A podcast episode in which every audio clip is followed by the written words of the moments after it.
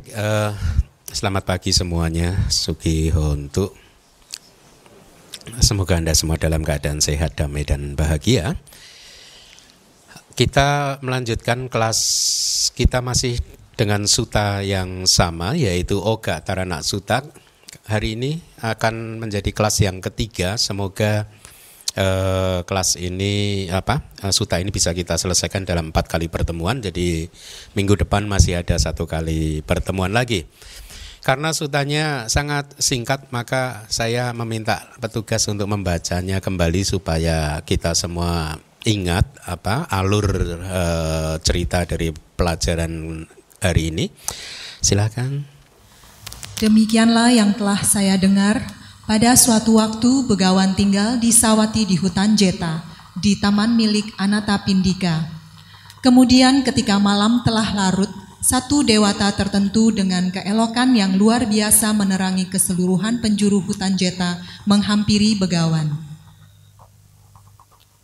Setelah mendekat, dia memberi hormat pada Begawan dan berdiri di satu sisi. Berdiri di satu sisi, dewa tersebut berkata demikian pada Begawan. Bagaimanakah Anda menyeberang banjir, Tuan? Auso, dengan tidak diam berdiri dan dengan tidak berjuang, aku telah menyeberangi banjir. Akan tetapi, bagaimanakah Anda menyeberang banjir dengan tidak diam berdiri dan tidak berjuang, Tuan? Auso, setiap kali aku diam berdiri, maka aku tenggelam. Auso, setiap kali aku berjuang, maka aku terseret. Demikianlah Auso, aku telah menyeberang banjir dengan tidak berdiri diam dan tidak berenang. Setelah lama sekali akhirnya saya melihat seorang Brahmana yang telah menjadi dingin total, yang dengan tidak diam berdiri dan tidak berjuang telah mengatasi pelekatan di dunia. Itulah yang dikatakan dewa tersebut. Guru telah menyetujuinya, Kemudian dewa tersebut berpikir, guru telah menyetujui saya. Setelah memberikan penghormatan kepada begawan dan menempatkan sisi kanan badan padanya, dewa tersebut lenyap dari tempat itu juga. Baik, uh, terima kasih uh, Dona. Itu tadi sutanya kembali lagi uh, untuk ketiga kalinya saya minta Anda untuk merenungkan seandainya saja Anda tidak membaca kitab komentar dan kitab subkomentar, lalu bagaimana Anda memahami suta tersebut? Anda pasti tidak mendapatkan satu apa gambaran apa pun kan tentang suta tersebut apa kaitannya dengan dhamma kan ya mungkin pertama kali Anda mendengar Anda bahkan mungkin berpikir bahwa dewanya itu di alam dewa di atas sana sedang terjadi kebanjiran jadi Jadi bertanya kepada Buddha tentang bagaimana uh, cara menyeberangi banjir ya, tetapi eh, sekali lagi uh, seperti yang juga di kelas-kelas lalu sudah saya sampaikan, kelas uh, suta kali ini mempunyai di mata saya mempunyai nilai tambah di mata saya ya. Nilai tambahnya adalah karena menjadi materi yang bagus buat saya untuk meyakinkan siapa pun saja, baik Anda yang ada di ruangan ini maupun yang nonton di YouTube nanti untuk meyakinkan Anda semua bahwa kita tidak bisa loh mempelajari kitab suci itu tanpa membuka kitab komentar dan kitab subkomentar. Nggak bisa gitu ya. Jadi mengatakan bahwa kita tidak perlu membuka kitab komentar karena itu bukan ajaran Buddha itu ucapan yang sama sekali tidak bisa kita pahami dengan baik dan dan benar. Kenapa? Karena kalau seseorang yang mengatakan bahwa kita tidak perlu membuka kitab komentar dan subkomentar karena itu bukan ajaran dari Buddha, itu artinya dia mau berkomentar sendiri. Iya kan, sudah saya demonstrasikan kan di dua kelas terdahulu bahwa mereka yang tidak setuju dengan kitab komentar adalah mereka yang setuju dengan komentarnya sendiri gitu ya. Karena tidak bisa dihindari dia harus berkomentar. Paham? Ya. Jadi kalau ada misalkan penceramah dhamma nggak perlu baca kitab komentar, nggak perlu membuka kitab sub komentar kita langsung baca saja. Kita hanya bersandar kepada suta pitaka saja udah cukup. Dia berceramah satu jam kan? Pokoknya kita kata-kata Buddha saja dalam Tripitaka cukup. Satu jam ceramah ya, oke. Padahal sutanya cuma lima menit. Berarti yang 45 menit adalah kata-kata dia. Jadi logikanya agak kacau kan ya. Itu yang yang yang selalu saya sering mengatakan kepada banyak orang bahwa saya benar-benar tidak bisa memahami eh, apa pernyataan-pernyataan yang seperti itu yang terkesan jadi kontradiktif, terkesan menjadi kurang paham dengan apa yang disampaikannya sendiri, begitu kesannya, ya kan? Paham ya? Karena ya begitu itu tadi di tiga kelas yang lalu juga sudah saya sampaikan cukup panjang lebar. Nah oleh karena itu kita harus bersyukur, kita harus apa eh, eh, apa? Percaya bahwa eh, bersyukur pertama kali bersyukur bahwa kita semua mendapatkan kesempatan untuk mempelajari kitab suci. Ya kitab suci, kitab komentar dan kitab subkomentarnya. Di mana kesempatan yang seperti itu bukan kesempatan yang mudah ya karena anda setiap minggu mendengarkannya mungkin anda berpikir ah itu bukan sesuatu yang istimewa. Tetapi kalau dari sudut pandang dhamma kesempatan untuk bisa membaca mendengar mempelajari kitab suci bertemu dengan uh, ajaran Buddha yang benar dan kemudian mempraktekannya melalui meditasi itu bukanlah sesuatu yang mudah untuk didapat membutuhkan syarat dan kondisi. Syarat dan kondisinya apa? Timbunan kumpulan kebajikan yang sudah kita lakukan di masa lalu kalau kita tidak mempunyai cukup timbunan kebajikan parami dari masa lalu maka akan sulit buat kita untuk bertemu dengan ajaran yang benar ya. Nah, oleh karena itu poin yang kedua ya. Kalau karena kita memahami yang demikian berarti kita harus semakin memperkuat apa, eh, keyakinan kita terhadap hukum karma ya. Keyakinan kita terhadap Eh, banyak, adanya banyak kelahiran. Kenapa? Karena kita bisa menjadi seperti hari ini saat ini karena hasil dari timbunan kebajikan karma dari masa lalu. Dengan demikian pesannya apa? Supaya ke keadaan ini menjadi semakin bagus, maka karma baik, kebajikan, parami, Eh, itu harus juga terus kita tingkatkan di dalam kehidupan ini demi mengamankan samsara supaya bisa terlahir di alam yang baik untuk kemudian memanfaatkannya supaya kita bisa segera keluar dari samsara. Jadi perjalanannya akan seperti itu, skenario nya akan seperti itu. Kita harus mengamankan kelahiran di setiap kelahiran kita amankan untuk selalu mendapatkan kelahiran yang baik. Karena kalau kita mendapatkan kelahiran yang tidak baik, akan menjadi sangat sulit buat kita untuk bisa bertemu dengan ajaran Buddha yang benar, apalagi mempraktekannya. Ya, nah untuk bisa mengamankan kelahiran yang baik, apa yang harus dilakukan? Perbanyak karma baik, perbanyak kebajikan, sempurnakanlah terus parami-parami kita. Ya, nah eh, itu adalah eh, kembali pembukaannya. Mari kita lanjutkan pelajarannya. Minggu lalu sudah disampaikan bahwa ternyata yang dimaksud dengan banjir adalah empat jenis banjir. Masih ingat ya? Empat jenis banjir. Yang pertama adalah banjir kenikmatan indriawi. Ikuti saya. Bahasa palinya kamoga. Yang kedua adalah banjir pandangan salah. Bahasa palinya adalah ditoga. Yang ketiga adalah oh yang kedua adalah sebenarnya ini tadi yang ketiga. Yang kedua adalah banjir eksistensi. Bawoga. Banjir pandangan salah. Ditoga.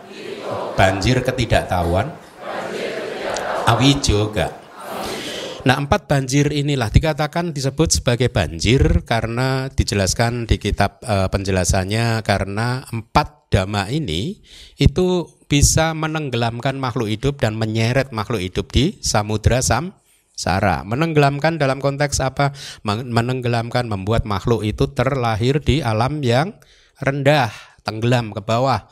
Terseret apa itu? Terseret itu ya bisa saja terlahir di alam yang baik, tetapi sebaik apa pun kelahiran Anda, baik itu di alam dewa maupun di alam Brahma, itu kan samsara tetap. Ya di sana kita belum terbebas dari penderitaan ya. Jadi empat banjir inilah seperti halnya banjir yang bisa menenggelamkan manusia, makhluk apa pun, barang benda apa pun, menyeret benda apa pun, maka demikian pula dengan banjir di suta ini yang bisa membuat makhluk itu tenggelam dan juga terseret di dalam samudra samsara. Nah minggu lalu kita sudah mempelajari jenis banjir yang pertama yaitu banjir kenikmatan indriawi kan, ya uh, yang dijelaskan jadi nafsu yang menggebu-gebu, nafsu kita yang menggebu-gebu gitu terhadap apa? Terhadap objek-objek panca indera, terhadap panca kama guna. Itu istilah teknis panca kama guna yaitu jalinan kenikmatan panca indera. Ya, artinya apa? Objek-objek yang menyenangkan dari panca indera. Kita makanya disebut jalinan seperti tali tali yang mengikat kita membuat kita terikat dengan objek-objek tersebut. Kalau Anda tidak bermeditasi, Anda tidak melatih kesadaran Anda, Anda itu akan selalu mencari objek-objek yang menyenangkan, betul? Menghindari tidak suka dengan objek yang tidak menyenangkan. Nah, itulah keadaan terikat dengan objek-objek panca indera yang menyenangkan, yang istilah teknisnya adalah panca kama gun. Nah, nah itu adalah banjir yang pertama. Banjir yang kedua adalah bawoga atau banjir eksistensi ada di layar. Tolong layarnya. Ya. Banjir yang kedua adalah pelekatan terhadap jana. Ya. Bahasa palingnya jana nikanti ya. Kalau sering kali di kalimat ini sering disalah tafsirkan oleh banyak orang bahwa jana itu berbahaya, nggak usah berlatih untuk mencapai jana. Ya, karena itu berbahaya. Dia dia menafsirkan secara negatif kata-kata seperti ini. Tidak ada bahayanya harusnya dengan jana. Bahkan kita harus senantiasa berjuang untuk mendapatkan mengejar jana. Ya. Nah, yang salah adalah apa? Melekatnya yang salah. Tapi kan tidak harus melekat. Ya. Kalau dikatakan jana bahaya gitu, yang lebih bahaya itu lahir lagi ini loh. ya enggak? Itu lebih bahaya. Lah, kita suka lahir lagi tapi kok enggak suka jana gimana? Ya, sedangkan jana itu dipuji oleh para Buddha ya. Ya meskipun mungkin belum bisa mencapainya tapi kita harus beraspirasi berjuang untuk terus bisa mencapai keadaan yang sangat bagus yang sangat dipuji oleh para Buddha tersebut. Baik, jadi banjir eksistensi, banjir yang kedua adalah pelekatan terhadap jana, bukan jananya yang bermasalah. Yang bermasalah adalah pelekatannya, melekatnya itu yang bermasalah. Ya. Kalau urusan melekat mah bukan hanya melekat pada jana, ya enggak? Melekat pada siapa pun itu bermasalah. Damang piwobi kawe bahataba pagewa damang. Wah, bahkan dam, melekat eh, bahkan dama saja harus ditinggalkan. Apalagi yang bukan dama itu. Jadi melekat kepada dama, melekat kepada apa pun itu tidak baik.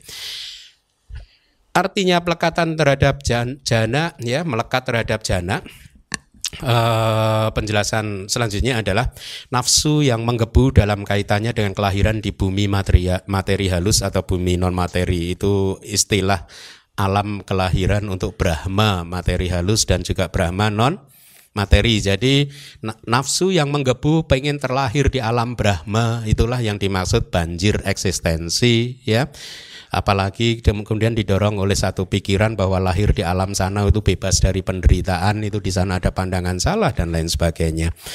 Nah, yang ketiga banjir pandangan salah atau didoga itu adalah 62 pandangan salah. Ya, Anda boleh baca buku tentang 62 pandangan salah atau ceramah saya tentang 62 pandangan salah di YouTube sangat uh, luas sekali uh, jenis-jenis pandangan salah ini ya. Kita tidak punya waktu untuk membahasnya. Banjir yang keempat adalah banjir ketidaktahuan yaitu penjelasannya adalah ketidaktahuan terhadap empat kebenaran mulia ya. Nah, kita akan jelaskan lagi apa informasi yang didapat dari kitab-kitab penjelasan. Tadi dikatakan bahwa banjir eksistensi adalah pelekatan terhadap jana, ya. E, itu berlaku kepada seseorang yang sudah menguasai jana, kemudian dia melekatinya, hanya berhenti di sana, tidak memanfaatkan jana sebagai landasan atau sebagai fondasi untuk berwipasana Ya, dia cukup bersenang-senang di dalam jana dia. Itu yang dimaksud pelekatan terhadap jana. Tetapi di kitab penjelasan juga ditambahkan informasi tambahannya adalah jane APK, jana nikanti. Artinya jane APK, jana nik mengharapkan, menginginkan jana itu pun juga termasuk pelekatan kepada jana. Jadi Anda mengharapkan, merindukannya, bernafsu, menggebu-gebu, tapi nggak bermeditasi tiap hari berdoa semoga besok mencapai jana satu semoga besok mencapai jana satu gitu ber, sehari 20 kali berdoa itulah nafsu menggebu-gebu menginginkan untuk menguasai jana. Itu pun juga termasuk apa? banjir eksistensi ya. Kembali lagi, kenapa? Apa signifikansi dari istilah banjir? Kalau kita diterjang banjir seperti itu, maka kita kemungkinannya dua, tenggelam atau terseret di dalam lautan samsara. Akan lahir lagi, lahir lagi, lahir lagi, entah ke bawah, entah ke datar alam manusia atau ke atas. Tapi semuanya adalah samsara. Ya, makanya eh, kalau anda yang mengikuti ceramah saya sejak tiga tahun yang lalu, kita tidak pernah kan eh, mengat apa menyarankan anda semua, ayo berjuang supaya lahir di surga. Enggak kan? Ya, lahir di alam Brahma enggak juga. Lahir di surga bagus, tapi kita tahu bahwa di sana juga samsara. Di mana pun itu adalah samsara. Tujuan kita adalah keluar dari samsara, tidak lahir lagi itu tujuan kita. Nah, eh, bawoga atau banjir eksistensi itu adalah hasrat atau keinginan untuk eksistensi. Eksistensi itu kelahiran kembali, untuk hidup lagi. Itu, itu maksud dari kata eksistensi, bawa gitu ya. Lahir kembali gitu. atau lahir kembali sebagai tadi disebutkan Brahma materi halus atau rupa Brahma ataupun Brahma non materi arupa Brahma ya. Saya eh, mendapatkan informasi di kitab penjelasan eh, dari kitab yang lain yaitu Sumanggala Wilasini. Saya sampaikan di sini karena sedikit ada perbedaan ya. E, saya harus mempertimbangkan apakah perlu ini saya sampaikan kepada Anda atau tidak. Kemarin itu waktu e, menerjemahkan ini e, pertimbangan saya adalah apabila saya sampaikan maka Anda mungkin kalau Anda kurang kurang bisa menyelami maknanya Anda akan bingung bisa jadi ya kenapa ada perbedaan ya Uh, tapi kemudian saya berpikir lebih baik saya sampaikan. Jadi ini sebagai sebagai so, kita sebagai pembelajar Buddhis harus uh, tahu bahwa kadang kita temukan ada informasi-informasi yang sedikit tidak ber, tidak sama, sedikit berbeda.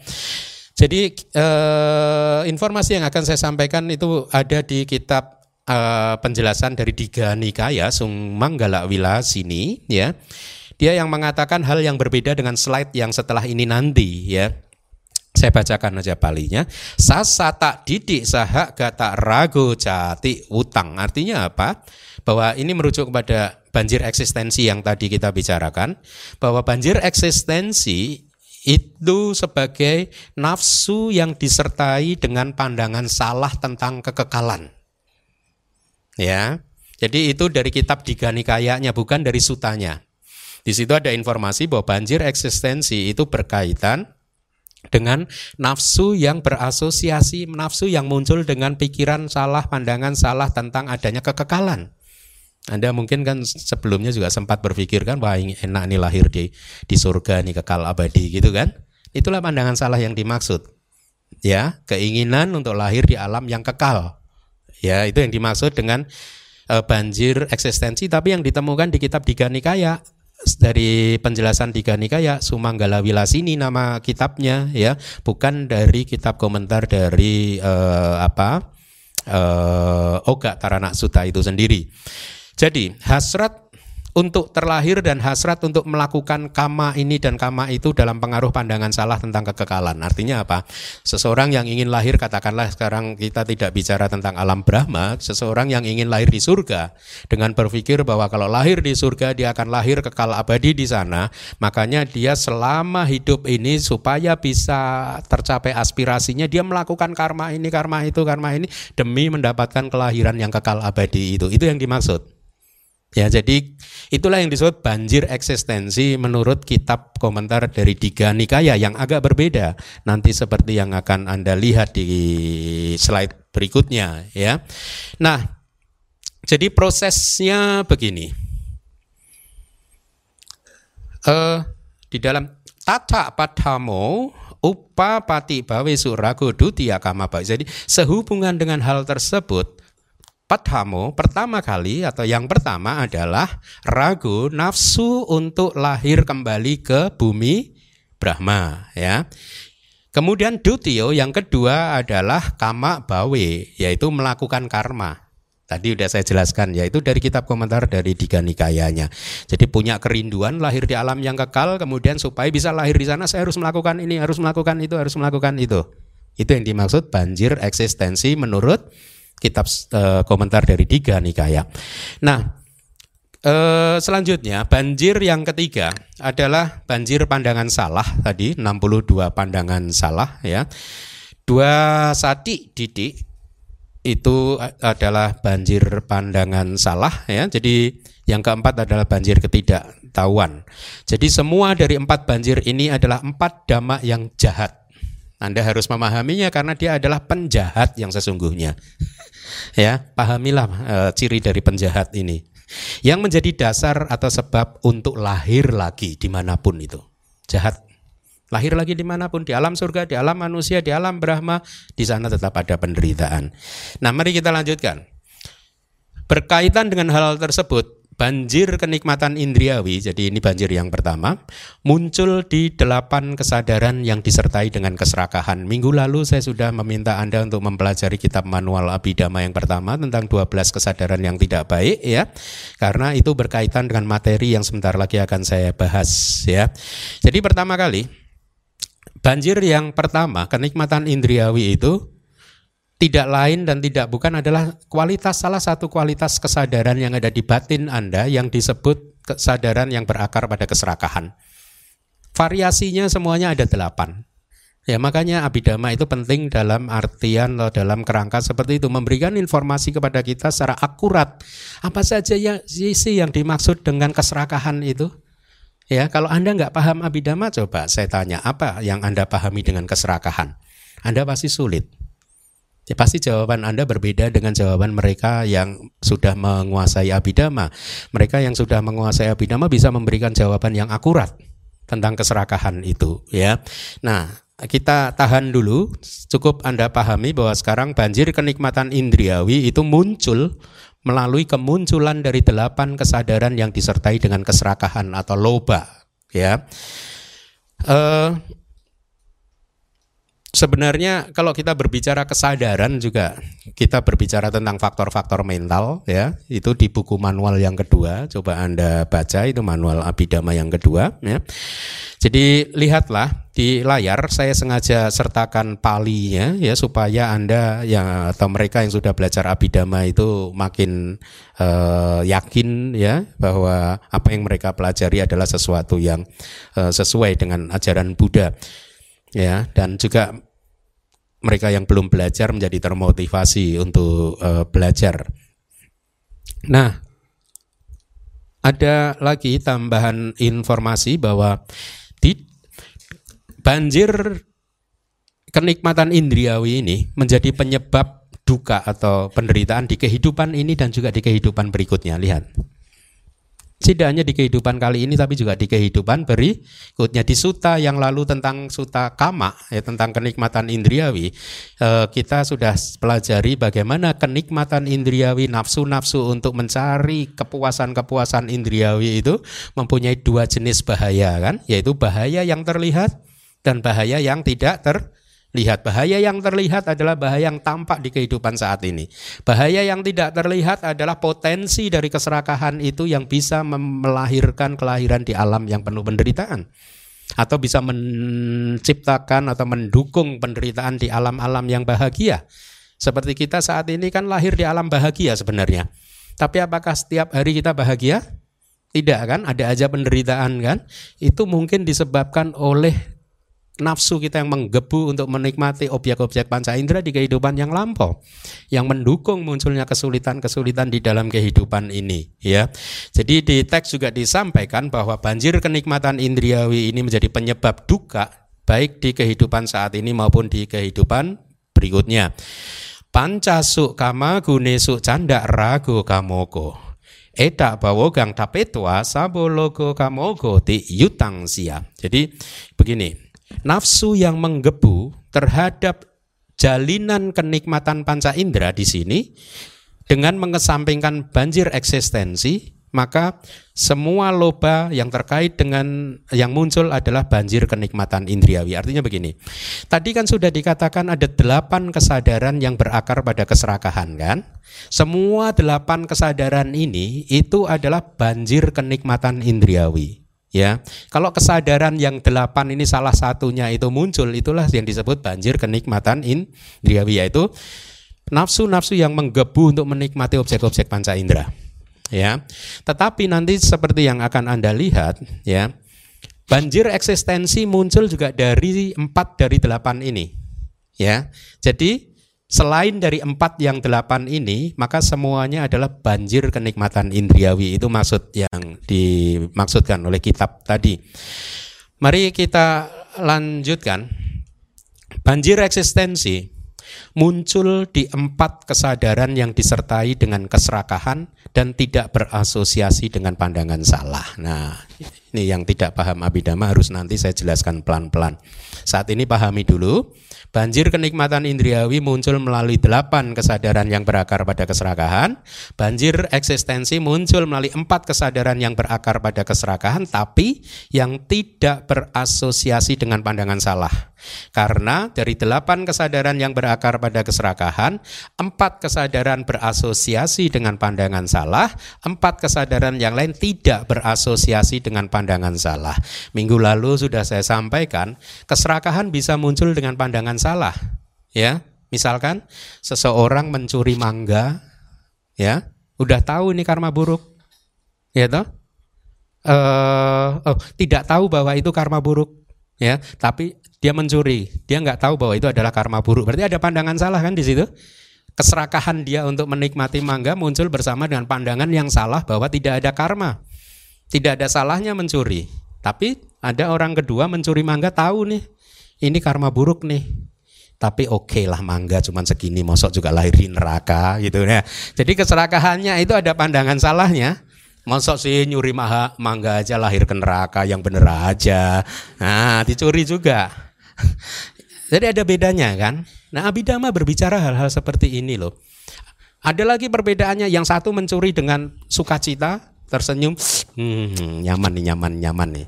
Ya kan? Yang satunya lagi mencurinya dengan UPK, tenang aja cool man. Nah nggak senyum nggak seneng nggak apa tenang aja dia. Gitu. Ya. Yang satunya mencuri begitu lihat mangga spontan dicuri. Yang satunya lihat mangga menari enggak lah gitu. Tapi temennya cu ambillah ini saya pendek nih kamu kan yang tinggi. Ambil kamu kamu kamu dorong dorong dorong. Curi. Ada spontan ada yang tidak spontan. Nah, Abhidhamma berbicara hal-hal seperti ini ya, yang sangat sangat ter, apa uh, semuanya itu terjadi di dalam kehidupan kita sehari-hari. Jadi kita sekarang lanjutkan. Dari kitab sub komentarnya begini. Uh, ini dari kitab sub komentar. Ini agak agak ini buat anda yang nggak paham abidama, anda harus benar-benar mencerna apa yang saya sampaikan, ya. Sasa tak didik sahagato ragu bawa didik sampayu tak bawa ada kata subuto. Dikatakan di dalam ada kata ya. Tidak dikatakan di dalam kitab penjelasan dari Diga Nikaya yang tadi saya jelaskan yang sudah saya sampaikan gitu bahwa bahwa didik sampayutata oleh karena berasosiasi dengan pandangan salah tentang eksistensi maka nafsu yang disertai dengan pandangan salah tentang kekekalan adalah banjir eksistensi. Ya. Jadi di sini mengatakan bahwa sebenarnya nafsu Banjir eksistensi menurut kitab komentar tadi adalah nafsu yang disertai dengan pandangan salah tentang adanya kekekalan yang tidak sama dengan apa yang ada di layar. Karena yang di layar itu mengatakan itu tidak berasosiasi dengan pandangan salah. Ya, mari kita uh, ikuti pelan-pelan penjelasan saya. Kemudian akan tetapi kitab Pali mengatakan, kitab ini mengatakan ya, di kitab Oga Tarana ini bahwa banjir eksistensi hanya muncul di kesadaran yang tidak berasosiasi itu yang ada di layar ya. Tidak berasosiasi dengan pandangan salah ya. Jadi oleh karena kesadaran yang berakar pada keserakahan yang delapan tadi dan disertai dengan pandangan salah itu terkait dengan kenikmatan indriawi Ya kan? Kan tadi delapan. Yang ter, yang berasosiasi dengan pandangan salah itu kalau menurut Oga Tarana bukan bukan bawoga, bukan banjir eksistensi, tapi itu juga banjir kenikmatan indriawi gitu ya. Ya.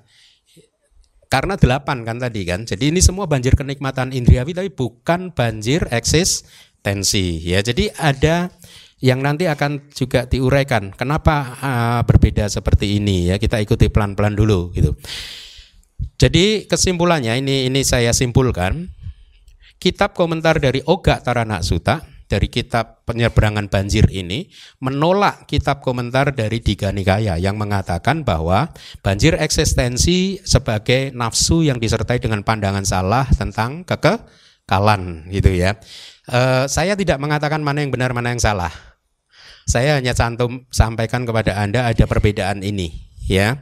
Nah, karena ini menarik, ya ini menarik. Saya bahkan harus berdiskusi dengan Bante Wisuda selama satu minggu gitu untuk membahas ini begitu, ya. Uh, nah, di dalam eksposisi atau urean tentang Kama sawa, kama sawa itu noda batin kenikmatan indriawi atau kenikmatan indriawi sebagai noda batin. Jadi kita bicara dua hal yang berbeda. Yang tadi adalah banjir kenikmatan indriawi, kamoga. Sekarang ini eksposisi tentang kama sawa, kama asawa, noda batin eh, kenikmatan indriawi atau kenikmatan indriawi sebagai noda batin, bukan sebagai banjir. Ya. Jadi di dalam eksposisi tentang kama sawa kenikmatan indriawi sebagai noda batin yang dimaksud dengan kenikmatan indriawi adalah objek-objek panca indera di tiga tingkatan. Ya artinya adalah yang dimaksud dengan kenikmatan indriawi itu berkaitan dengan objek-objek yang ada di tiga tingkatan. Artinya tiga tingkatan itu begini. Tingkatan lingkup indriawi itu tingkatan yang masih terikat pada panca indera ya ini adalah objek-objek yang ada di alam neraka, alam peta, alam asura, alam binatang, alam manusia dan enam alam surga. Itu disebut al objek tingkatan yang pertama. Ada tingkatan yang kedua. Objek di tingkatan kedua adalah objek di lingkup materi halus, yaitu objek-objek di alam Brahma materi halus. Objek tingkatan ketiga adalah objek di alam Brahma non materi. Begitu ya. Jadi kalau kita berbicara tentang noda batin, maka kenikmatan indriawi mencakup semua objek. Itu maksudnya. Di tiga tingkatan itu semua, ya. Jadi uh, di tiga tingkatan yang menjadi objek dari nafsu indriawi itu sendiri. Nafsu yang disertai pandangan salah dan lain-lain. Jadi menurut kitab ini dikatakan kalau ini berkaitan dengan pandangan salah harusnya bukan banjir tapi itu berkaitan dengan kama asawa dengan noda, noda batin, noda yang sudah ada di dalam batin kita ini.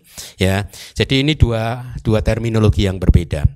Ya, sebagai asawa, sebagai noda batin, maka kenikmatan indriawi ada di tiga tingkatan tadi. Akan tetapi sebagai banjir, maka objek di rupa Brahma, di Brahma materi halus itu tidak termasuk sebagai banjir kenikmatan indriawi, meskipun itu juga noda batin. Jadi itu penjelasan dari kitab Ogatarana yang sepertinya itu juga agak masuk akal gitu ya. Oke, untuk sementara kita sampai di situ dulu. Sekarang saya akan sampaikan dulu kepada Anda supaya makin mudah untuk mengikuti penjelasannya yang memang sangat abidama sekali dan uh, saya harap Anda jangan salah berpersepsi bahwa ah ini kan bisa-bisanya Bante Geminda aja sebagai guru abidama. No, ini ada di kitabnya. ini adalah kitab penjelasan dan sub penjelasan sub komentar dari Oga Tarana Suta, bukan dari saya, ya. Nah, tapi kalau ini ini dari saya karena saya ingin Anda tahu dulu. Tadi kan sudah dikatakan ada berapa kesadaran yang berakar pada keserakahan? Delapan. Mari kita lihat apa saja. Ikuti saya. Somanasa sahagata. Didik kata sampayuta asangkarika. Artinya kesadaran yang berakar pada keserakan yang ikuti saya disertai dengan sukacita. Berasosiasi dengan pandangan salah. Dan tanpa dorongan. Tanpa dorongan itu artinya apa? Tidak ada yang membujuk spontan. itu ya spontan dia muncul seketika gitu nah ini somana sasagata ini yang kalau anda hadir di acara katina kemarin murid-murid abidama perform itu loh. Somana sasagata didik kata sampayuta itu kan? Asangkarika mekang sasangkarika mekang ingat nggak? Ada ya. Tuh kawan-kawan anda udah hafal nih di luar kepala. Kalau buat teman-teman di luar kepala itu artinya di dalam kepala. Kalau buat Anda di luar kepala benar-benar di luar. Nah itu jenis kesadaran keserakahan yang pertama. Mari kita lihat yang kedua. Somanasa sahagata. Didik kata sampayuta. Sak sangkarika. Disertai dengan sukacita. Berasosiasi dengan pandangan salah dengan dorongan. Anda temukan bedanya dengan yang pertama? Yang terakhir kan? Yang pertama tanpa dorongan, yang kedua dengan yang pertama itu uh, spontan, yang kedua itu didorong-dorong oleh temannya tadi loh. Kamulah yang tinggi, kamu gitu. Atau didorong oleh pikirannya sendiri. Ya, kayak tadi sebenarnya wah nggak enak dong habis ambil sila dari Bante di DBS mau sok mau mau makan siang aja harus masukin ke tas gitu. Tapi setelah pikir-pikir, ah ntar kan nanti sore lapar lagi. Nah, kayak didorong oleh pikirannya sendiri, akhirnya keserakahannya muncul lagi begitu. Ya, jadi itu yang beda. Ketiga,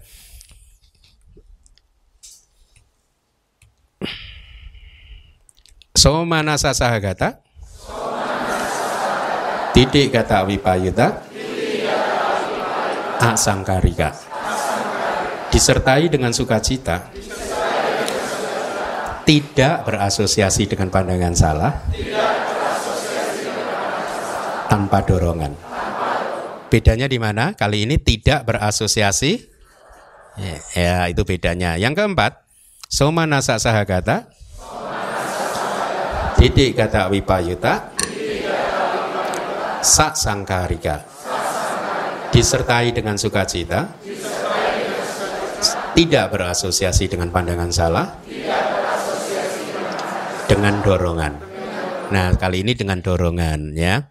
Kemudian selanjutnya UPK sahagata Didik kata sampayuta Aksangkarika Disertai dengan ketenangan Berasosiasi dengan pandangan salah Tanpa dorongan Anda menemukan bedanya? Perasaannya kan? Tadi sukacita sekarang ketenangan. Yang keenam, UPK sahagata, didik gata sampayuta, sak sangkarika, disertai dengan ketenangan, berasosiasi dengan pandangan salah, dengan dorongan. Yang ketujuh, uh, eh? maaf ya, UPK sahagata. Didik kata wipayuta. Aksangkarika. Disertai dengan ketenangan. Tidak berasosiasi dengan pandangan salah. Tanpa dorongan. Yang kedelapan UPK sahagata. Didik kata wipayuta. Saksangkarika disertai dengan ketenangan, tidak berasosiasi dengan pandangan salah, dan dengan dorongan. Nah itulah sebenarnya variasi dari keserakahan kita ini. Sama semuanya, baik manusia, binatang, dewa, Brahma, kalau keserakahan muncul itu salah satu dari delapan ini. Tidak ada lagi yang ke sembilan, ke sepuluh tidak ada lagi. Atau kurang dari delapan enggak. Variasinya lengkap ini delapan ini. ya.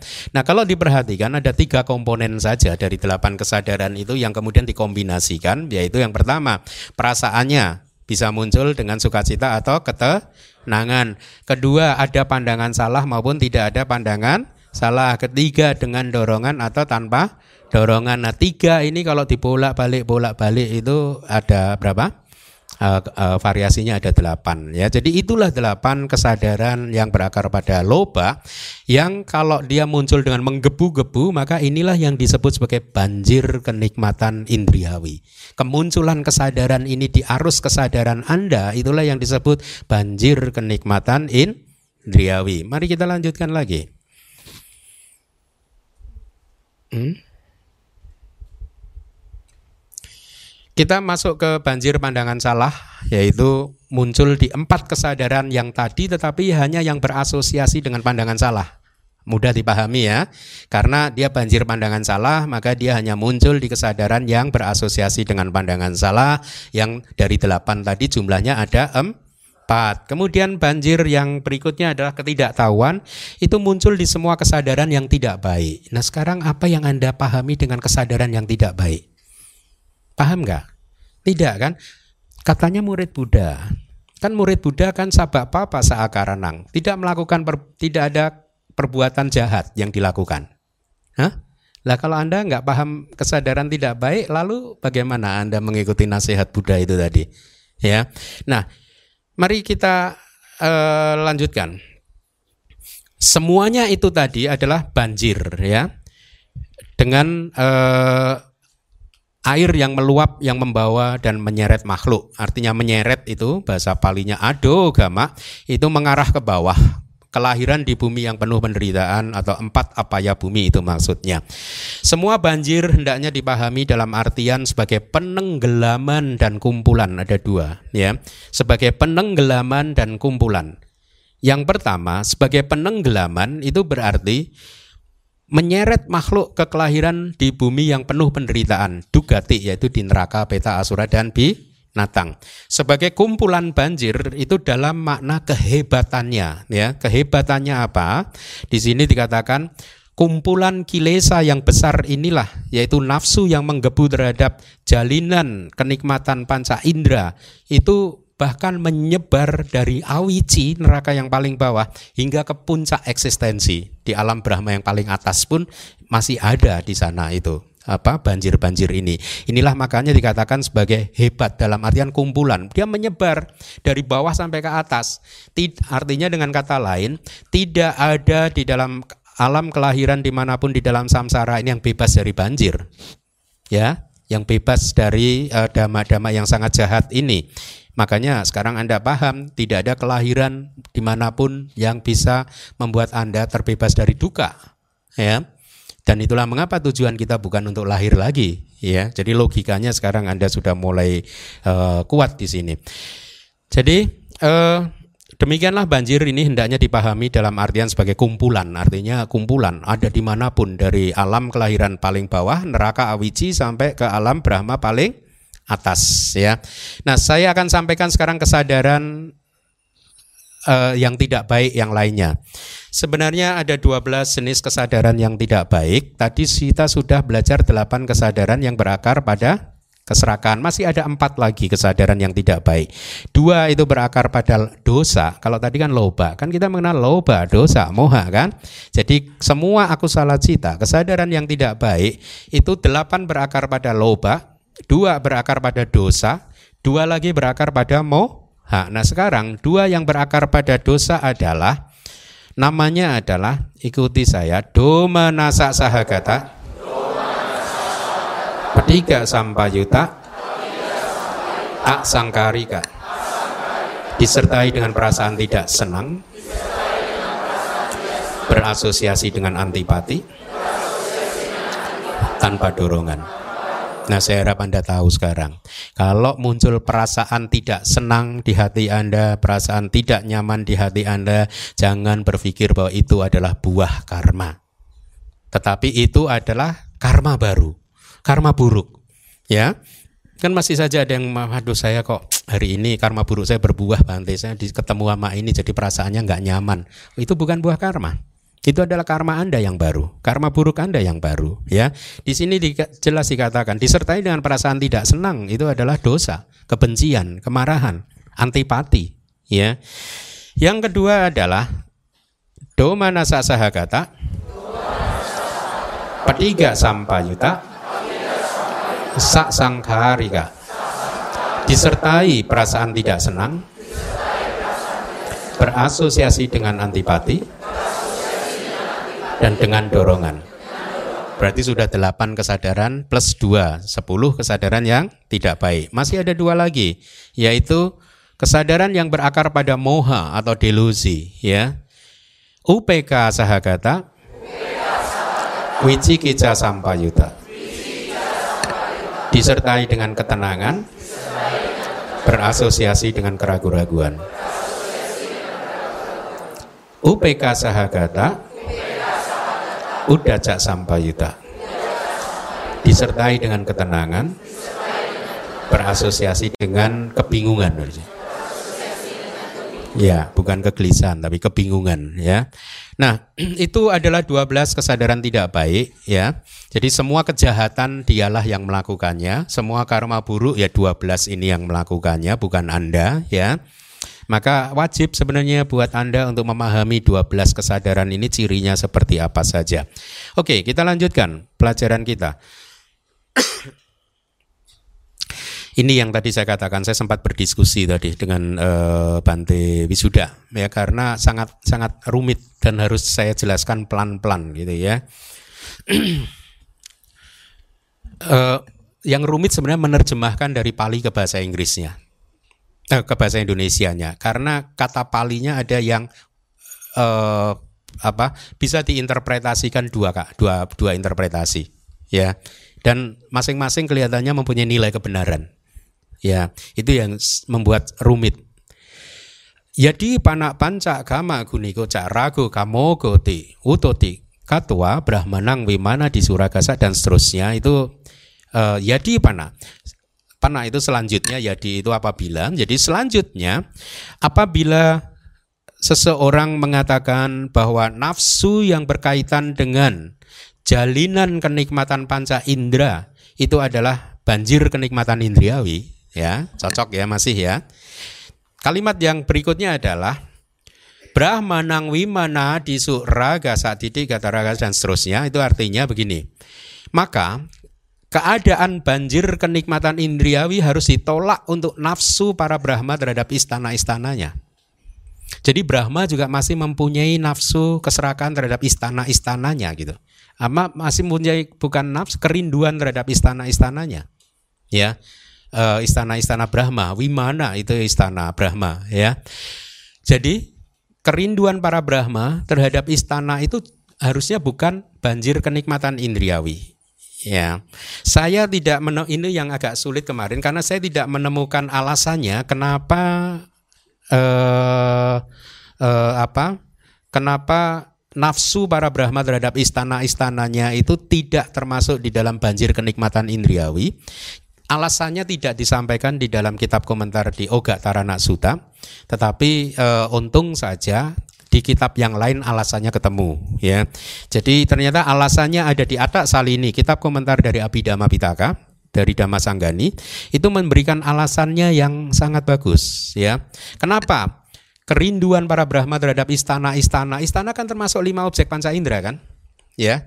Jadi itu bukan banjir kenikmatan indriawi, di dalam Brahma. Kenapa? Karena panca kama gunikasa ragasa idewa pahinata. Oleh karena di sini para Brahma telah meninggalkan nafsu yang berkaitan dengan jalinan kenikmatan panca indera itu sendiri. Jadi memang para Brahma sudah meninggalkan nafsu itu, menanggalkannya untuk sementara ya.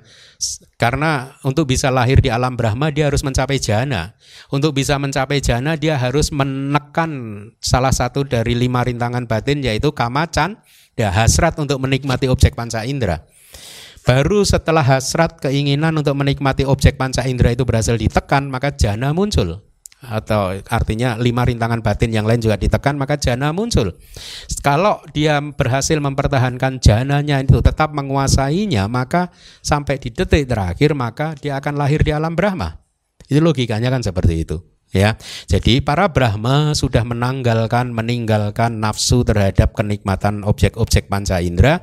Oleh karena itulah kerinduan para Brahma terhadap istana-istananya itu bukan atau tidak bisa disebut sebagai banjir kenikmatan in diawi ya.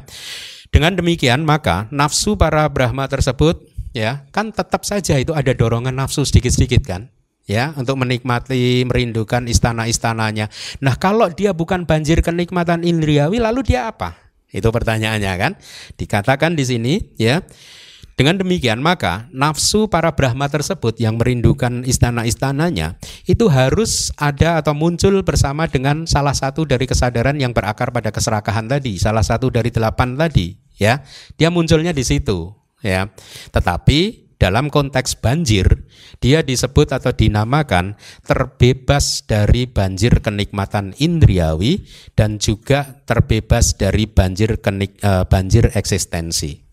Dia muncul di kesadaran yang berakar pada keserakahan, salah satu dari kesadar, delapan kesadaran tadi, tapi dia bukan banjir kenikmatan indriawi, dia juga bukan banjir eksistensi. Itu yang dimaksud ya, pelan-pelan ya. Karena saya tidak sempat menerjemahkan kemarin, maka saya saya kopas saja gitu. So yada dan seterusnya. Uh, uh, terjemahnya begini. Setiap kali nafsu tersebut yang tadi nafsu para Brahma merindukan istana-istananya muncul di dalam kesadaran dia yang tidak berasosiasi dengan pandangan salah ya yang tidak berasosiasi dengan pandangan salah. Jadi dia merindukan istananya ya, tapi muncul bersama dengan kesadaran yang tidak berasosiasi dengan pandangan salah. Pada waktu itu muncul banjir ketidaktahuan. Itu penjelasannya ya. Kenapa? Karena banjir ketidaktahuan, banjir yang keempat muncul di semua 12 kesadaran aku salah atau yang tidak baik ya. Jadi pada saat Brahma merindukan itu ada banjir juga sebenarnya itu banjir ketidaktahuan atau awi juga bahasa palinya ya yang berasosiasi dengannya. Jadi harus dikatakan bahwa eh, eh, harus dikatakan bahwa pada saat Brahma merindukan istana-istananya, di sana ada banjir yang disebut awi juga atau banjir ketidaktahuan, yang banjir tersebut itu sendirian, tidak berasosiasi dengan banjir-banjir lainnya, ya artinya awi juga itu sendirian. Karena kadang banjir ketidaktahuan juga bisa muncul bersama juga dengan banjir kenikmatan in Driawi ya kalau yang sudah belajar abidama paham ini. Kenapa? Karena delapan loba mula cita delapan kesadaran yang berakar pada keserakahan itu juga muncul bersama moha muncul bersama awija muncul bersama delusi gitu ya. Nah jadi untuk sementara ini informasinya begini begitu ya. Jadi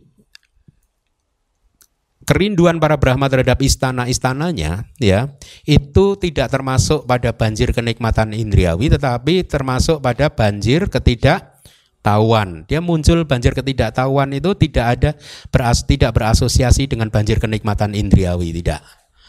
Tidak juga berasosiasi dengan banjir pandangan salah. Karena tadi muncul bersama dengan kesadaran yang tidak berasosiasi dengan pandangan salah. Jadi dia muncul sendirian. Nah hal ini seperti ini ya. Uh, do manasa wici kica udaca sampayuta jadi hal itu seperti kesadaran yang berasosiasi dengan duka cita keraguan dan kebingungan. Jadi begini maksudnya. Tadi kan ada dua kesadaran yang berakar pada kebencian kan pada kemarahan kan antipati kan ya. Kemudian ada dua lagi yang berakar pada moha yaitu yang berasosiasi dengan wicikica keraguan dan juga berasosiasi pada kebingungan ya. Jadi di sana disebutkan bahwa ya hal itu seperti kesadaran yang berasosiasi dengan duka cita, keraguan dan kebingungan yang juga harus dikatakan sebagai awi juga. Jadi empat kesadaran ini adalah banjir ketidaktahuan, tapi dia tidak berasosiasi dengan banjir yang lainnya.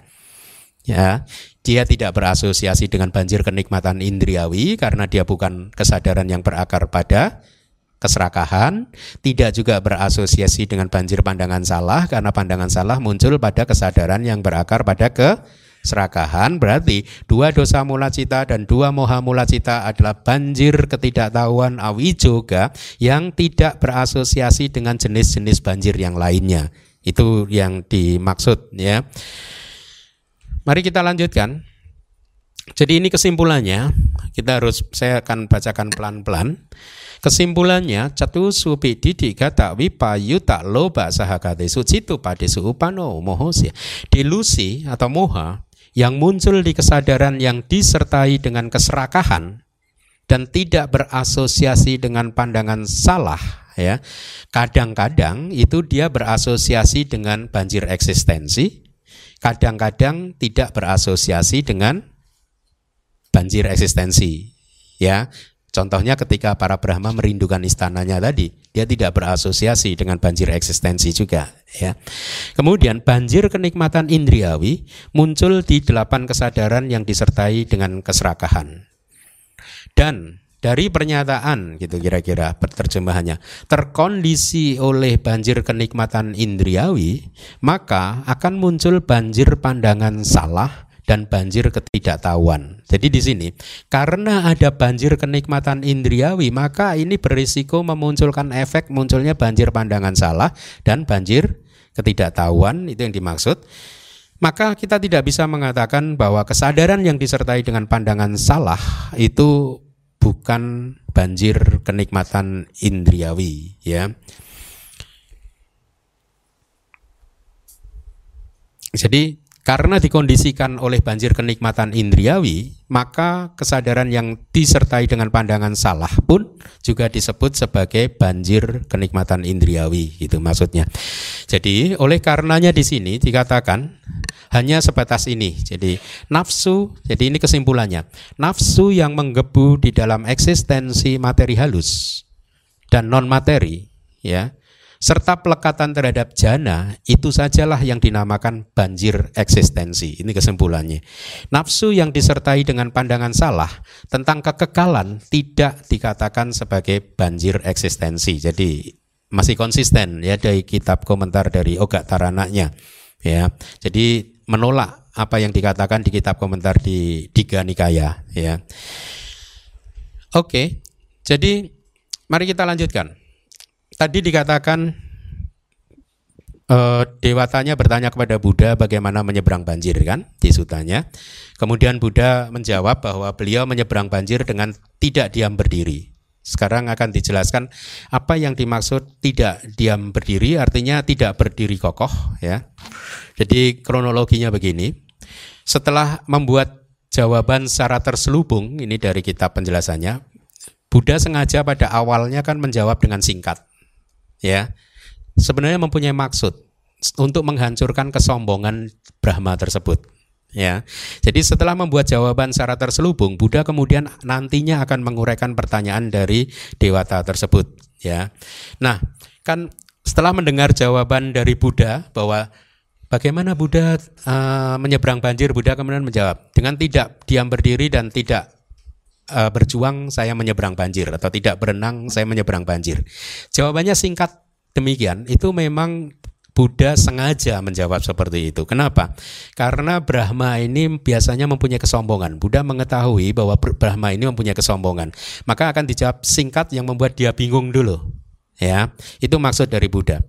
Jadi setelah mendengar jawaban Buddha yang singkat tadi, dewatanya berkata, mereka yang ini di kitab komentar tidak ada di kitab sucinya, tidak ada di, di sutanya itu sendiri, tetapi ada di kitab komentar bahwa ternyata ketika mendengar jawaban Buddha yang singkat itu, Dewata itu berkata begini, mereka yang menganut aliran lain, ya, artinya yang di luar murid Buddha, itu eh, berdiri di tempat yang seharusnya berdiri, kata dia, berjuang di tempat yang seharusnya diseberangi, ya.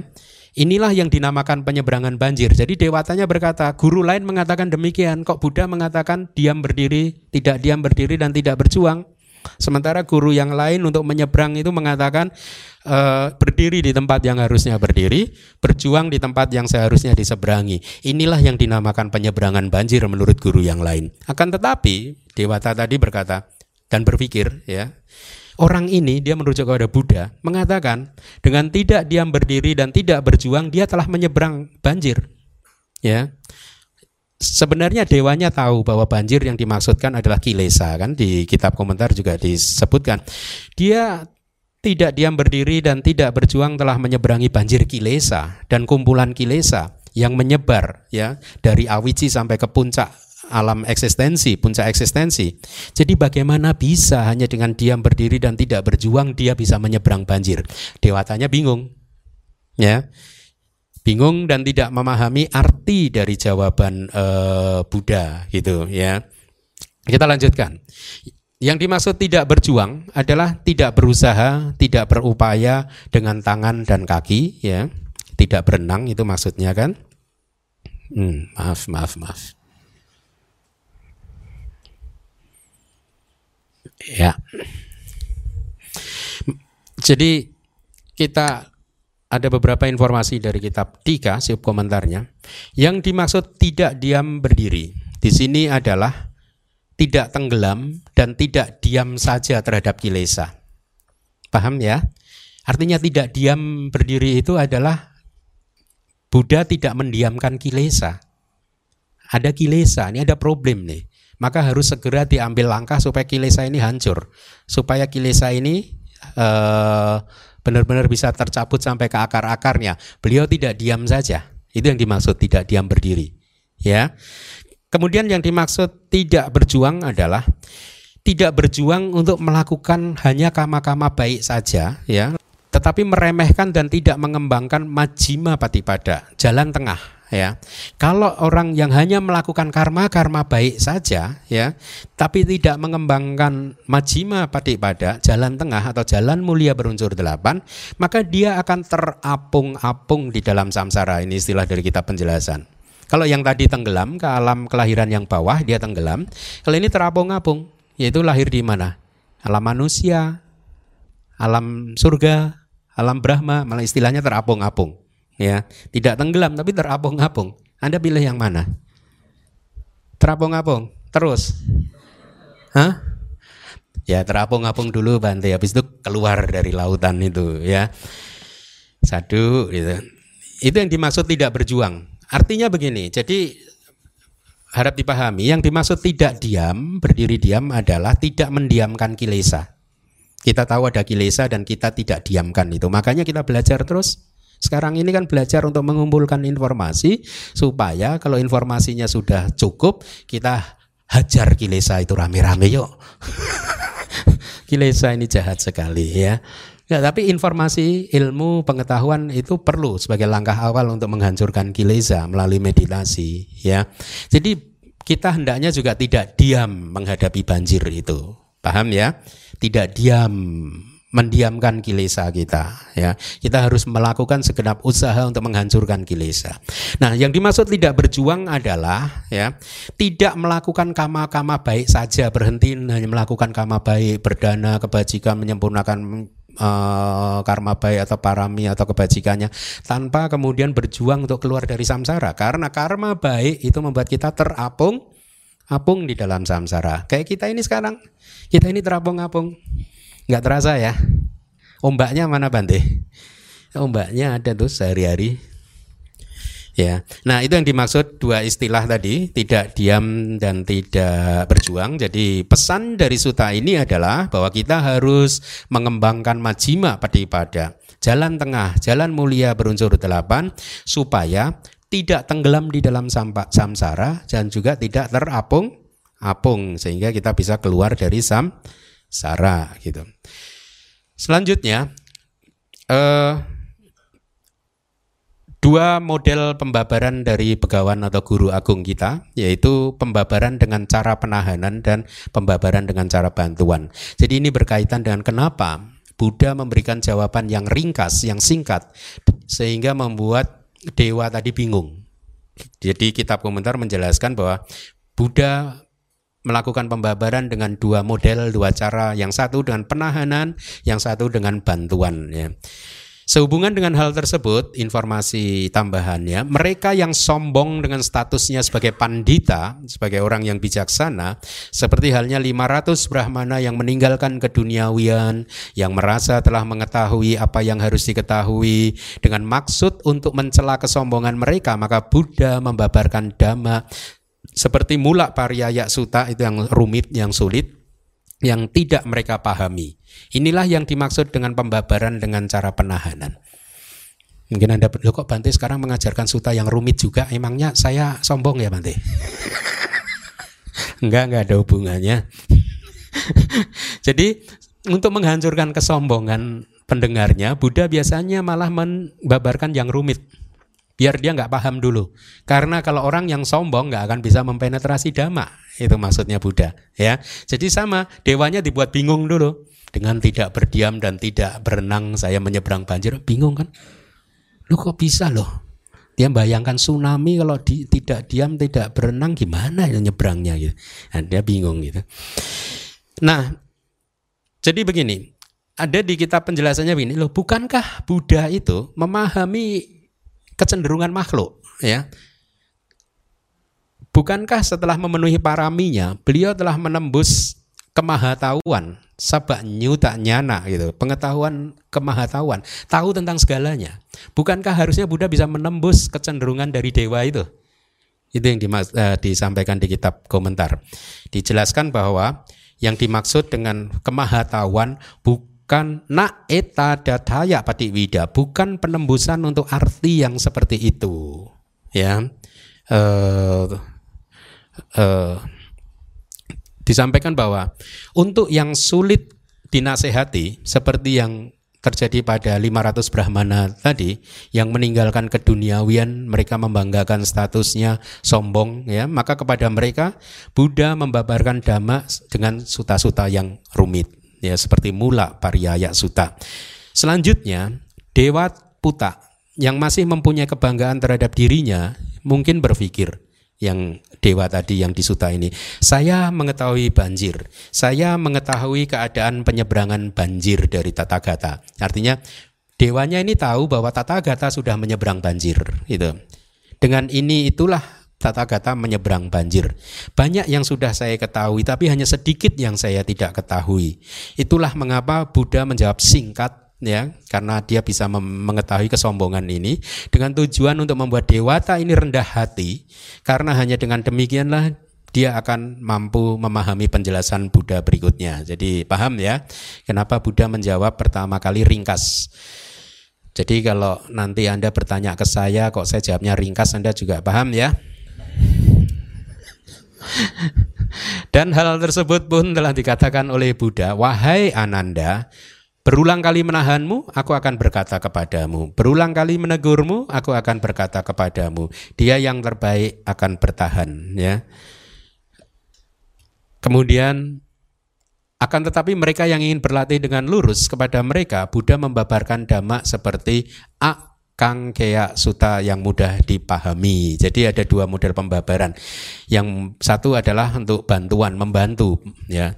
Contohnya di Tisa Suta itu ada kalimat Buddha begini, bergembiralah Tisa, bergembiralah Tisa. Aku di sini untuk menasehati, aku di sini untuk membantu kamu, aku di sini untuk memberikan instruksi dan Buddha menghiburnya. Inilah pembabaran dengan cara bantuan. Kalau yang tadi dengan cara penahanan, ya. Akan tetapi Dewa Puta ini adalah dewa yang membanggakan kebijaksanaannya, dewa yang keras kepala dengan kesombongannya. Dia berpikir demikian, aku mengetahui banjir, aku mengetahui hal mengenai banjir yang telah diseberangi oleh Tata Gata, hanya sebatas ini yang aku tidak tahu, yaitu yang dia tidak tahu, disebabkan oleh apa seseorang telah berhasil menyeberangi banjir, apa sebabnya? Itu saja yang dia tidak tahu, itu ya. Dan oleh karena itulah dia bertanya kepada Buddha yang kemudian dijawab dengan singkat dan e, penjelasan selanjutnya minggu depan. bersambung, bersambung. Baik, terima kasih.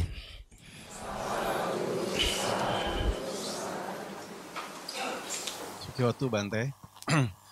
uh, saya ada dua hal yang mungkin perlu satu pertanyaan, satu mungkin permintaan.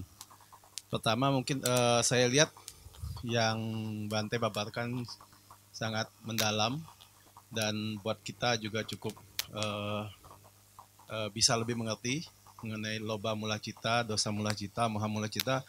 Mungkin Bante uh, kita minta memberikan contoh lebih konkret, mungkin keseharian. Misalnya salah satu contoh loba mula cita dengan contoh-contoh kejadian nanti sehingga kita lebih bisa memahami lebih uh, dalam dari uh, loba mula cita.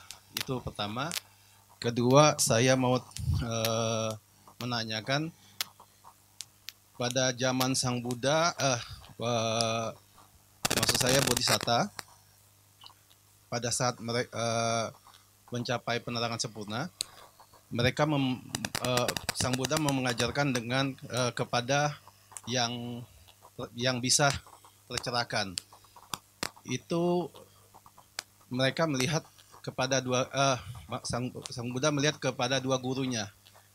Nah, cuma setelah mereka lihat guru ini dua-duanya sudah mencapai uh, jana yang tertinggi sehingga dilahirkan ke alam uh, arupa Brahma ya, Bante. Uh, pertanyaan saya, ini termasuk dalam banjir eh, pandangan salah atau banjir karena kemelakan terhadap jana atau kedua-duanya, Bante. Terima kasih. Baik, uh, ya pertanyaannya bagus suka saya. Ya, memang sebaiknya setiap pertanyaan sesuai materi ya. Lebih bagus begini ya. Baik, contoh ya, pertanyaan yang pertama adalah tentang delapan kesadaran yang berakar pada keserakahan ya. Tadi eh, sudah saya sampaikan apa saja itu delapan kesadaran yang berakar pada keserakahan. Eh, sebelum saya sampaikan kembali lagi saya ingin sampaikan kepada semuanya bahwa abidama itu penting sekali karena memberikan data-data yang akurat kepada kita tentang kondisi batin, faktor-faktor batin, faktor mental uh, dan dan semua realitas-realitas yang ada di uh, alam semesta ini ya. Nah, Delapan kesadaran yang berakar pada keserakahan ada tiga komponen pembentuknya tadi. Ya, yang pertama adalah komponen pembentuknya adalah jenis perasaannya. Jadi ada seseorang yang serakah tapi dengan hati yang penuh sukacita, gembira. Ada yang seorang serakah tapi UPK, ketenangan. Ya. Komponen pembentuk yang kedua adalah ada pandangan salah atau tidak ada pandangan salah pada saat itu munculnya. Komponen yang ketiga adalah adanya dorongan atau tidak adanya dorongan. Ya, saya akan jelaskan satu-satu komponen tersebut. Perasaan sukacita dan perasaan UPK. Ada seseorang yang serakah ya. Yang satu dengan perasaan sukacita kalau tadi di materi saya sampaikan seseorang mencuri mangga ya itu muncul dengan keserakahan ya. Yang satunya mencuri dengan penuh sukacita yang satunya mencuri dengan ketenangan ya. Jadi sudah itu adalah dua keadaan batin yang berbeda ya. Kemudian dua orang tadi yang satunya mencuri dengan adanya pandangan salah di batinnya. Artinya apa? Dia menganggap bahwa mencuri itu nggak apa-apa gitu. Mencuri itu baik orang nggak ada yang dirugikan kok gitu lah kan ada pemiliknya rugi. Ya mosok diambil satu rugi. Nah, gitu dia. Dia dia membantah terus. Kan nggak rugi gitu. Jadi eh dan masa itu adalah karma buruk, masa itu berbuah hal yang tidak baik, masa hanya gara-gara satu mangga saja lahir di neraka, itu pandangan salah. Ya. Jadi itulah yang disebut men, keserakahan muncul dengan pandangan salah. Eh, uh, ya, Eh, dengan pandangan salah. Kemudian jenis yang kedua adalah seseorang mencuri mangga itu uh, tidak dengan pandangan salah artinya apa? Dia tahu ini mencuri ini nggak baik. Dia tahu mencuri ini karma buruk yang kalau berbuah akan melahirkan ke alam yang bawah dia tahu, tapi dicuri juga. Artinya pada saat dia mencuri itu tidak ada pandangan salah, tapi tetap mencuri. Ya. Kemudian komponen yang ketiga adalah dengan dorongan dan tanpa dorongan, spontan dan tidak spontan itu bahasa lainnya. Seseorang yang satunya mencuri itu spontan, begitu melihat mangga langsung dicuri. Ya. Pokoknya dia nggak boleh lihat mangga aja di mana-mana itu. Jangan ajak dia pergi ke kebun mangga. Nggak bisa lihat mangga. Begitu lihat curi langsung dia, spontan dia. Yang satunya didorong. Nah, didorong itu ada dua penjelasannya.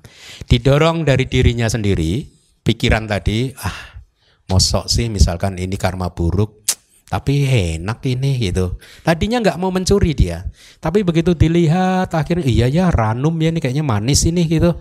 Coba aja dicoba. Nah dia didorong oleh pikirannya sendiri akhirnya melakukan kejahatan. Ya, yang satunya didorong oleh orang lain. Kayak tadi, saya kan pendek, kamu yang tinggi. Nah, oh iya ya, saya yang tinggi ya, udah saya yang ngambil. Jadi dorongan itu bisa muncul dari dalam dirinya sendiri ataupun dari orang lain. Nah, dari kombinasi-kombinasi ini muncul delapan kombinasi yang berbeda seperti yang tadi sudah kita baca di slide. Nah, keserakahan ini tentu saja tidak berhenti atau tidak mencakup hanya keserakahan terhadap mangga saja itu terlalu sederhana. Keserakahan Anda terhadap anak istri Anda juga sama. Hmm? Anda cintakan sama istri? Pasti cinta. Itu keserakahan bisa jadi.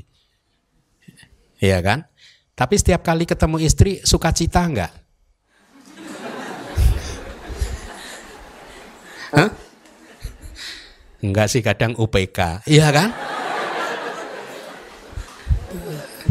Anda cinta tapi dengan perasaan tenang kan?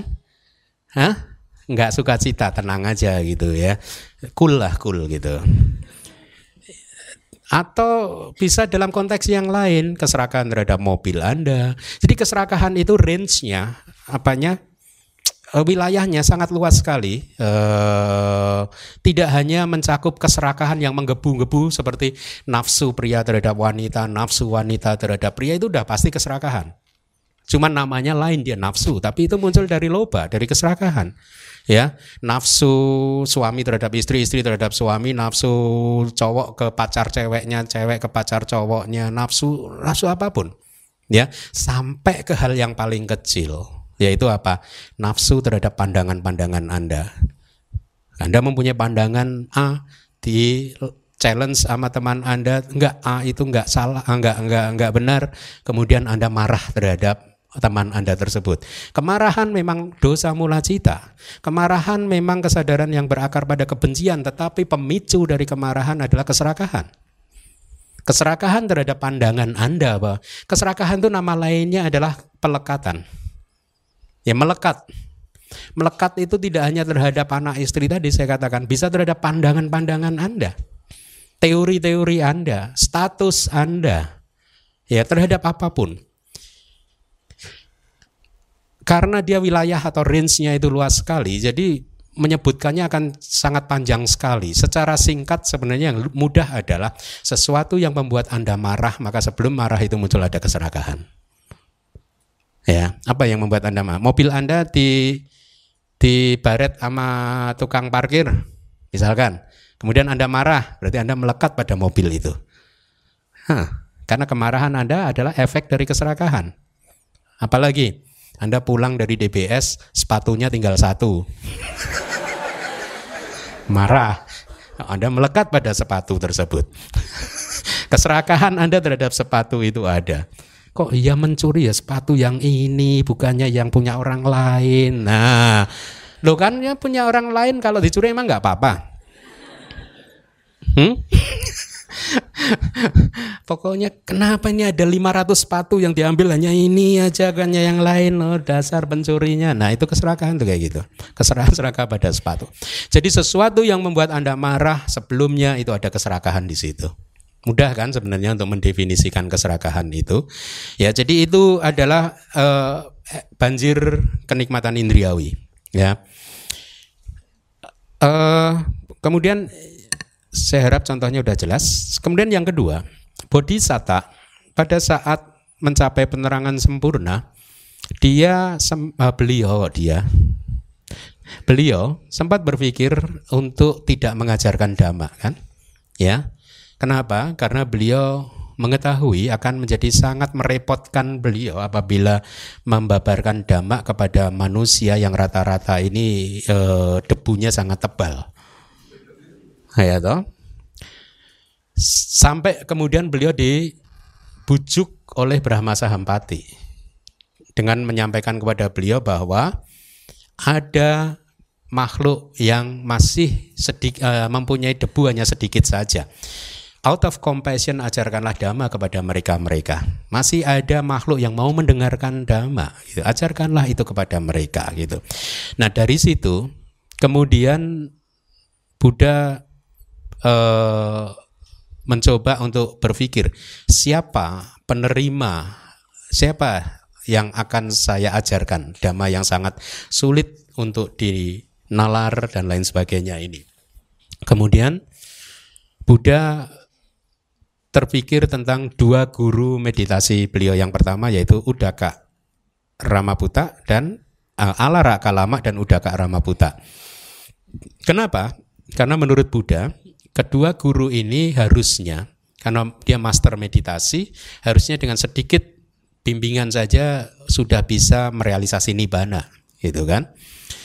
Tetapi waktu diamati dengan uh, apa hmm, apinya mata dewa beliau itu beliau kemudian melihat bahwa dua guru tadi sudah terlahir di alam Brahma yang arupa yang tidak mempunyai tubuh jasmani ya setelah mengetahui bahwa mereka berdua ada di alam yang tanpa tubuh jasmani maka Buddha tidak bisa berbuat apa-apa kenapa karena mereka berdua tidak punya tubuh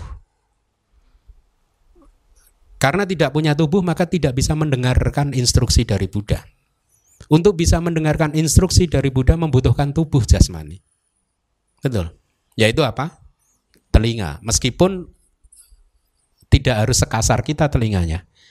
Telinganya para Brahma yang masih rupa Brahma, materi halus, dia telinganya sudah lembut, tidak sekasar kita tapi itu bisa dipakai sebagai landasan indriawi telinga untuk mendengarkan suara.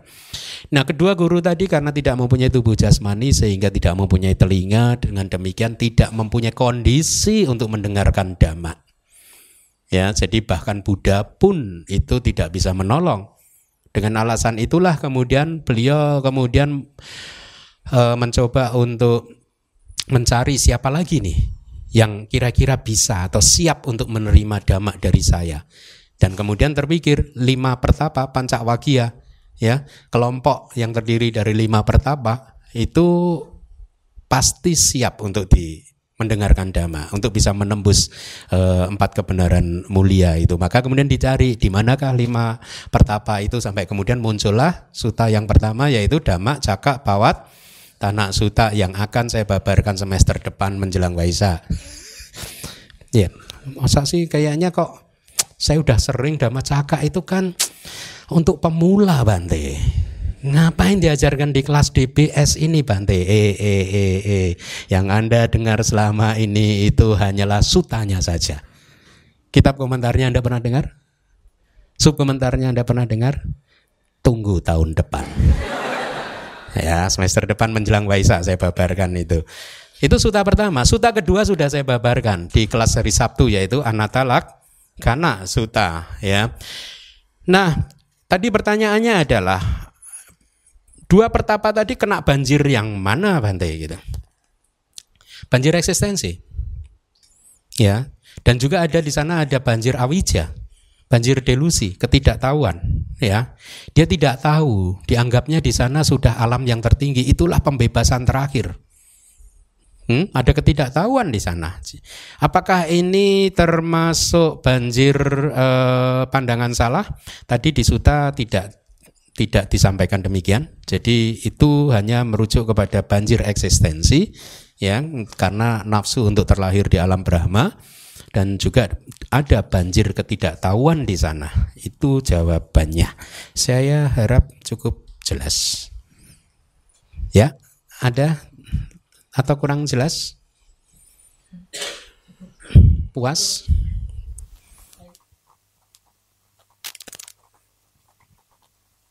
Sukihon tuh Bante. Uh, saya minta contoh yang 9 10 Bante. Tadi baru 1 sampai 8. Terus kalau arupa Brahma berarti itu kan nggak bisa dikontrol ya hasil meditasi Bante. Sepertinya kan itu lebih tinggi dari yang rupa Brahma. Jadi eh, gimana ya kalau nanti ada Buddha lagi terus ternyata seandainya kita latihan meditasi nanti terlahirnya di arupa Brahma jadi hilang kesempatan dong Bante karena hanya menikmati gitu maksudnya walaupun itu alam tertinggi ternyata ada yang sisi kurangnya juga ya Bante hanya klarifikasi sih bang. Terima kasih bantu Iya, eh, kalau anda perhatikan di buku kebaktian harusnya ada. Coba anda masih membawa buku kebaktian kan? Eh, halaman pertama.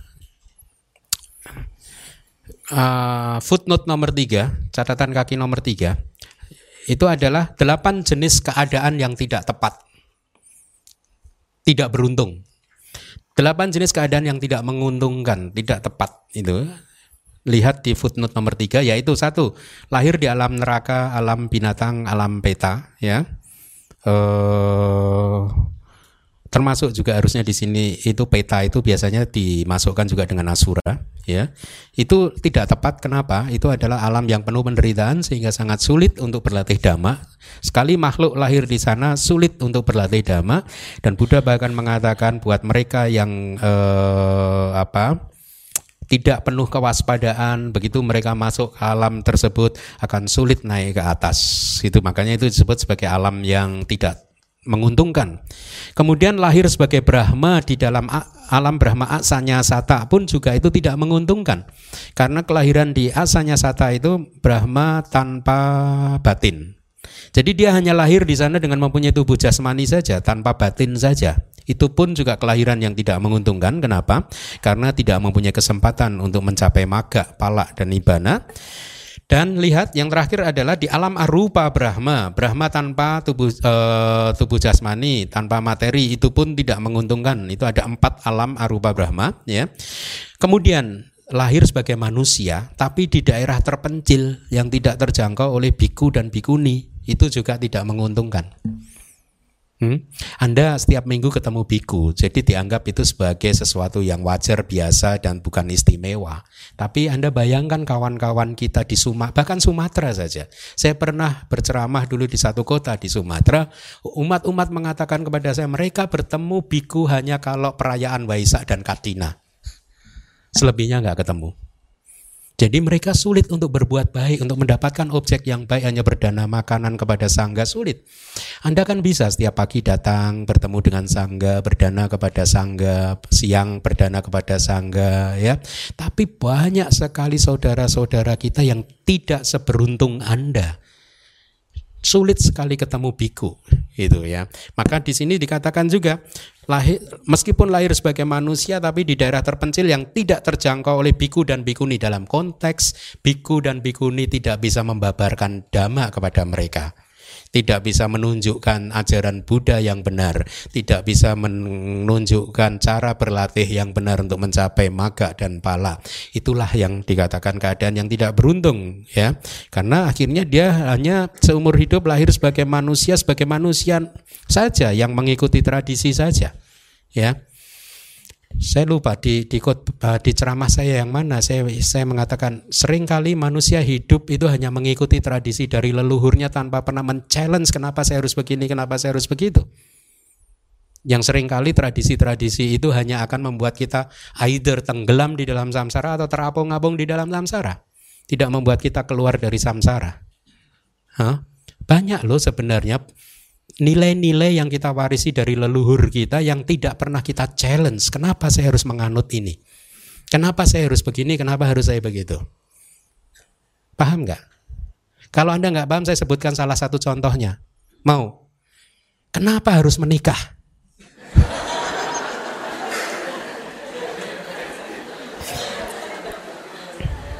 Hmm?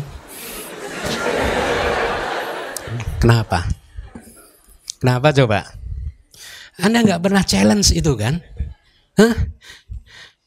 Challenge ya Anda? Sebelum saya ngomong gini Anda nggak pernah berpikir kan? Hah? Jadi banyak manusia lahir, sekolah, kuliah, lulus, kerja, nikah. Itu dianggap jalurnya rum, hidup itu ya kayak gitu itu gitu. Jadi lahir, sekolah, sarjana, kerja, nikah, menderita, nangis-nangis, stres, depresi, karena mikirin suami, mikirin istri. Itu dianggap jalur yang normal loh. Ah, itu yang namanya kecanduan. Hah? Menderita tapi bertahan.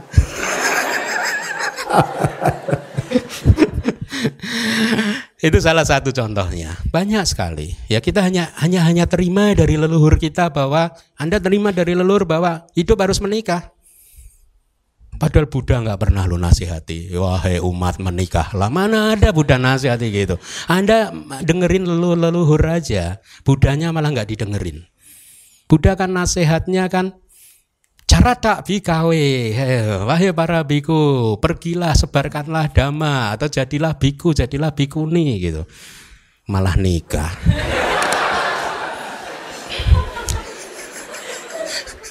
Oh, tanya murid Buddha.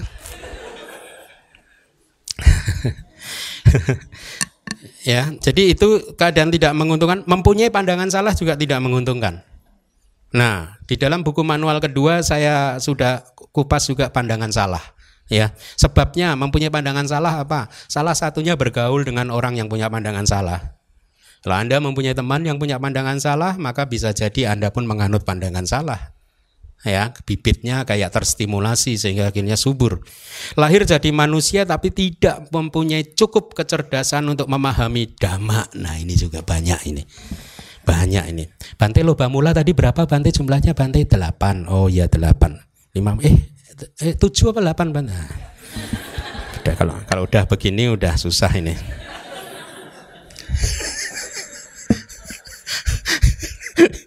Baru lima menit udah lupa lagi, lupa lagi. Ya, ya.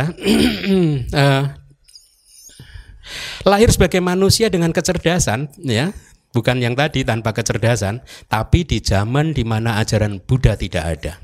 Itu juga tidak menguntungkan. Nanti satu hari nanti ajaran Buddha Gotama hilang. Tidak ada ajaran Buddha sama sekali. Kalau pada saat itu Anda lahir sebagai manusia, nasib Anda silakan. Anda cari Bante Keminda mana ini?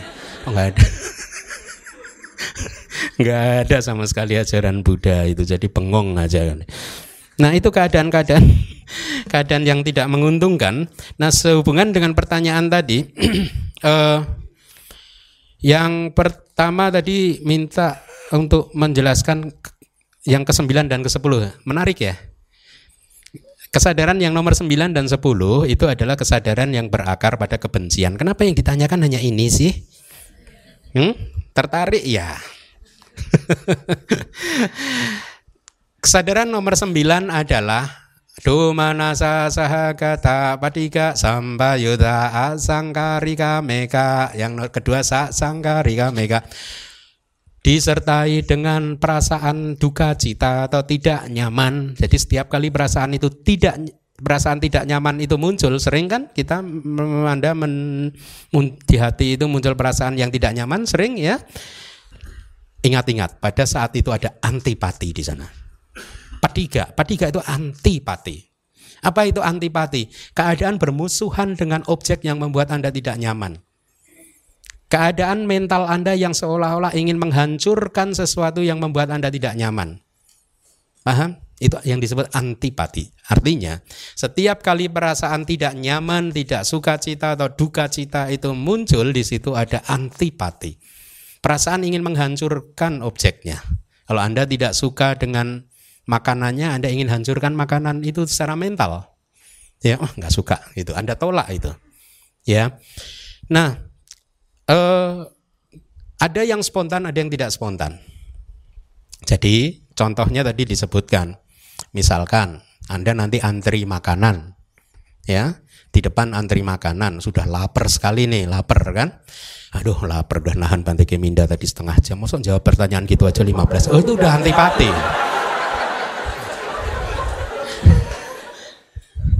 Nah, itu udah dosa.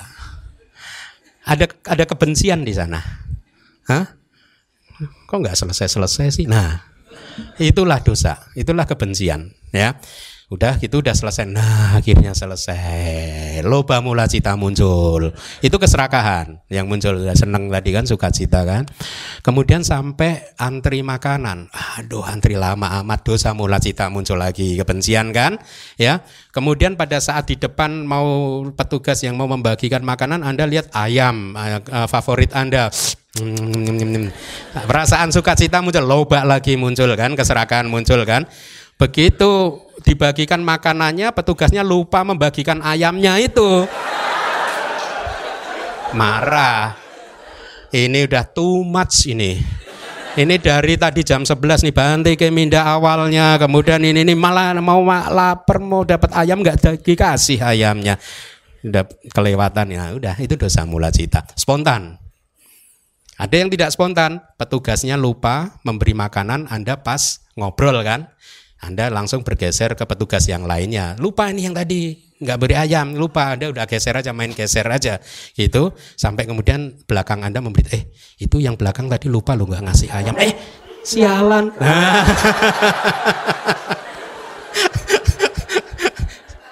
Siapa itu namanya tadi? Nah, awas ya jangan ketemu saya lagi ya.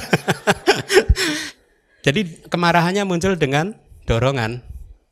Ya didorong oleh teman Anda tadi yang menginfokan. Tadinya Anda nggak marah nih. Gara-gara temannya info itu mosok nggak dikasih ayam sih kamu gitu. Jadi marah kamu. Nah makanya kita sebagai teman harus hati-hati dengan ucapan kita. Kalau teman kita sedang damai-damainya, jangan diprovokasi. Jangan dihasut, jangan diberikan informasi yang kira-kira membuat dia marah. Kasihan ya. Jadi itu contohnya. Kemudian yang berikutnya adalah lahir di Arupa Brahma itu kan e, tidak menguntungkan. Jadi nanti gimana Bante kalau kita latihan dapat jana nggak bisa dikontrol kemudian lahir di Arupa ya udah nggak usah latihan aja. tidak tidak begitu. guru semua guru di dalam sasana ini ya di dalam ajaran Buddha ini murid-murid Buddha ini sampai sekarang guru-guru yang ahli meditasi akan selalu mengajarkan kepada Anda cara mengendalikan jana Anda. Kalau Anda mencapai jana, Anda akan diajarkan bagaimana untuk menguasainya, bagaimana untuk bisa terus dengan istilah Anda tadi mengendalikannya. Dengan demikian sehingga pada saat meskipun anda nanti menguasai semua delapan jana, di detik-detik terakhir Anda bisa mengendalikannya hanya memperkuat jana yang rupa materi saja, yang materi halus saja. Sehingga Anda terlahir dari kelahiran di alam arupa. Jadi jangan khawatir ya. Semua master-master meditasi saya do saya do akan mengajarkan kepada Anda bagaimana untuk menguasai jana ya. Uh, sehingga Anda dan biasanya semua orang mempunyai favorit jananya sendiri-sendiri. Ya. Dan biasanya favoritnya itu di jana materi halus, jana 1 2 3 4 gitu. Jadi jangan khawatir tentang itu terus tetaplah berlatih ya. Jadi kalau lahir di arupa hilang kesempatan. Iya memang kalau Anda makhluk yang putu jana lahir di Brahma tanpa tubuh jasmani dia kehilangan kesempatan untuk bahkan 80 kalpa lebih mungkin tidak akan pernah bisa mendapat kesempatan untuk merealisasi maga, palak dan nibana. Itulah yang tadi dikatakan kenapa itu adalah kelahiran yang tidak menguntungkan. Ya, demikian. Terima kasih.